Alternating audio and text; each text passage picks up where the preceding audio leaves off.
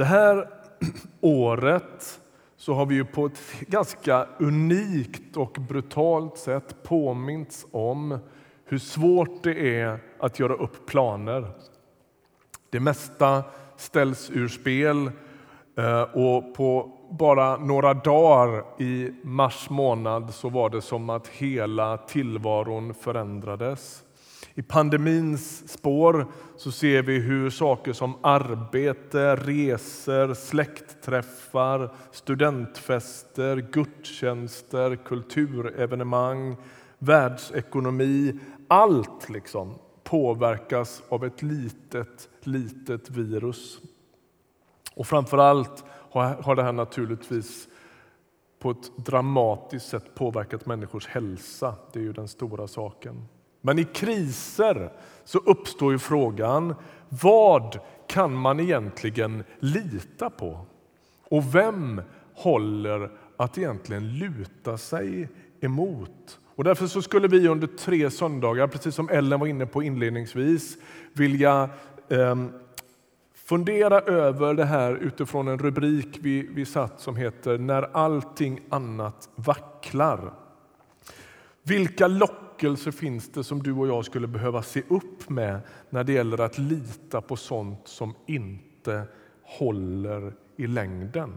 Och idag ska vi läsa från psalm 121 i Saltaren. Psalm 121. Jag läser hela den texten. Den lyder så här. En vallfartssång. Jag ser upp emot bergen. Varifrån ska jag få hjälp? Hjälpen kommer från Herren som har gjort himmel och jord. Han låter inte din fot slinta. Han vakar ständigt över dina steg. Han sover aldrig, han vakar ständigt, han som beskyddar Israel. Herren bevarar dig, i hans skugga får du vandra. Han går vid din sida. Solen ska inte skada dig om dagen, inte månen om natten. Herren bevarar dig från allt ont, från allt som hotar ditt liv. Herren ska bevara dig i livets alla skiften, nu och för evigt. Salmisten som skriver det här ser upp mot bergen. Och ett berg i Gamla testamentet skulle kunna betyda lite alla möjliga olika saker. I vissa kontexter så står berget för något väldigt solitt, någonting man kan lita på, någonting som liksom är fast. Men så verkar det inte vara här. När salmisten ser upp mot bergen för ungefär 2 500, 3 000 år sedan någonting. Vad ser han då?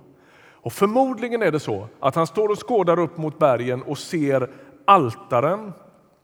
Han ser färgglada statyer och han ser pågående fester. Han ser nog sannolikt både manliga och kvinnliga prostituerade vid de tempel som finns på bergstopparna. Och så ser han eldar och han ser offer. Det var nämligen på höjderna som man tillbad avgudarna. Och så är det som att avgudarna, det där som den omgivande världen vänder sig till i tider av kris, står som en slags kontrast till den levande guden som har skapat allt. Var någonstans vänder man sig för att få trygghet, för att få Eh, välsigna, ett välsignat liv, för att få hopp till exempel? Och så är det som att psalmisten talar med sitt eget hjärta och bekänner inför det där hjärtat att jag vill söka min hjälp hos Herren, skaparen av allting oavsett hur lockande avgudarna kan verka. Det är som att avgudarna i varje tid försöker dra oss bort ifrån tilliten till Gud, skaparen. Vad är en avgud för något? Avguden är den som jag lutar mig mot istället för att luta mig mot Herren. Avguden är den som jag söker tröst hos istället för att söka den hos Herren. Avguden är den som, jag, som, jag, som skänker mig min identitet istället för att jag söker den hos skaparen av allt. Avguden är den som ständigt tenderar att ta Guds plats. Och Salmisten här menar att ja, men jag tittar upp mot bergen, upp mot de här avgudaaltarna, upp mot de här festerna, upp mot de här, hela det här spektaklet och funderar över var ska jag ta vägen för att få hjälp? Jag går inte dit. Jag går till Gud istället. Och Det är nämligen så att gång på gång så beskrivs avgudarna som svekfulla. De kommer förr eller senare alltid att svika människan. När Jesus till exempel talar om pengar i Nya testamentet så kallar han ju dem vid ett avgudanamn. Han kallar dem för mammon. Och så säger han när mammon sviker dig. När, ma när mammon inte håller vad mammon lovar. När mammon lämnar dig i sticket, säger han. Det är inte en fråga om om mammon lämnar dig i sticket, utan när. Och Det är inte typiskt bara för pengarna, utan för alla avgudar. Och I Gamla testamentet beskrivs de här avgudarna som sömniga. Det är inte bara kritikerna som kallar dem sömniga, utan det gör faktiskt anhängarna också. Så när prästerna sjunger och ropar och ber och till och med rispar sig med vassa föremål så är ett av, en av avsikterna med det att väcka avgudarna som tenderar att slumra till. Och Kontrasten är väldigt tydlig här. Han vakar ständigt över dina steg. Han sover aldrig, han vakar ständigt. Alltså, Salmisten beskriver hur avgudarna sviker och Gud står fast. Hur avgudarna somnar och Gud aldrig behöver väckas. Det kallades för en vallfartssalm eller sång, stod det inledningsvis här. Psalm 120 till 134, de 15 saltasalmerna, de kallas för vallfarts eller pilgrimssalmerna. Och Förmodligen är det så att man sjunger dem där när man går som en judisk pilgrim till Jerusalem. Och det där är en lite större, som en bild på en större verklighet. Genom hela Bibeln beskrivs tron som en vandring. Vi står inte still. Det är inte främst så att vi sitter, utan vi går. I Nya testamentet blir det här ännu tydligare när kristen tro kallas för vägen. Vi följer i Jesus spår, vi vandrar i Anden, vi går i tro. Det är som en slags rörelse och på den där vandringen behöver man naturligtvis veta vilka faror det är som lurar och hur man finner liksom beskydd mot de farorna. Det nämns tre saker i den här texten som man kan behöva se upp med. Man kan slinta med sin fot mot en sten. Solen kan skada på dagen och månen kan skada på natten. Dagens hetta och nattens kyla det var naturligtvis verkliga problem i Israel, eller är.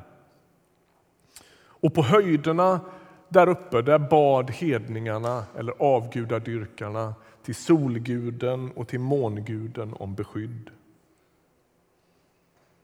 Och Det är dessutom så här att det finns en fysisk risk med det här men det fanns också en slags mytbilder runt inte minst månen. Som, som liksom, det är på natten i månens ljus som människan förlorar förståndet. Här finns också ett, ett perspektiv av att få skydd för sin psykiska hälsa. Och Salmisten säger du behöver inte vara rädd. Gud ska skydda dig och du behöver framför allt inte vända dig till andra makter för att få beskydd. Nu uppstår frågan då, i slutet på min predikan idag. Vad är det för beskydd man kan förvänta sig? Och vad är det salmisten lovar och vad lovar salmisten inte? För alla oss som har varit med om en och annan tuff smäll i livet och lite tuffa villkor så blir ju det där en ganska avgörande fråga. Jag måste erkänna att jag periodvis har tyckt att det var ganska knivigt att läsa löftena om Guds beskydd. För jag har tänkt, vad betyder det egentligen? Vad kan man förvänta sig för slags beskydd? Vi får ju inga garantier i Bibeln mot motgångar. Däremot lovar skriften att ingenting vi möter kan skilja oss från Guds kärlek. Ingenting vi är med om kan omintetgöra Guds planer med våra liv. Gud vakar över oss och han bevarar oss i sin kärlek. Någon jämförde det här med när man sitter ute i en liten båt på ett jättestort hav. Det blåser och det kränger och det är som att alla världens makter är emot den här båten. Och så är det ju ändå så att hur liten den där båten än är så håller den sig uppe på vattnet så länge vattnet inte kommer in i båten. Och Det är som att det, det beskydd som beskrivs här det är ett beskydd mot makterna, olyckorna och omständigheterna. Inte att de aldrig kommer att drabba oss utan att de aldrig tar sig in i båten. Vi bevaras i Gud. Han bevarar vårt hjärta, han bevarar vårt inre. Han skyddar oss i honom i livets alla skiften. Och Det är som att Gud bevarar ditt liv nära honom själv ända in i evigheten oavsett omständigheter. Och då ska det aldrig mer storma så som det för en del av er har gjort hittills. Ska vi be tillsammans? Herre, vi tackar dig för din skugga över våra liv. Att du med din närvaro kastar en skugga över oss så att solen inte kan skada oss. Tack att vi får leva under din, dina vingars beskydd. Tack för att du skyddar oss från allt det som vill ta sig in i vår båt. Tack att vi får tro på dig, vi får luta oss mot dig med hela vår tyngd.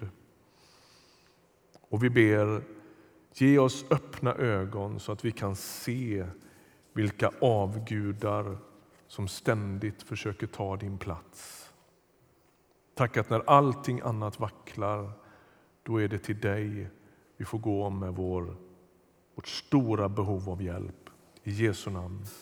Amen.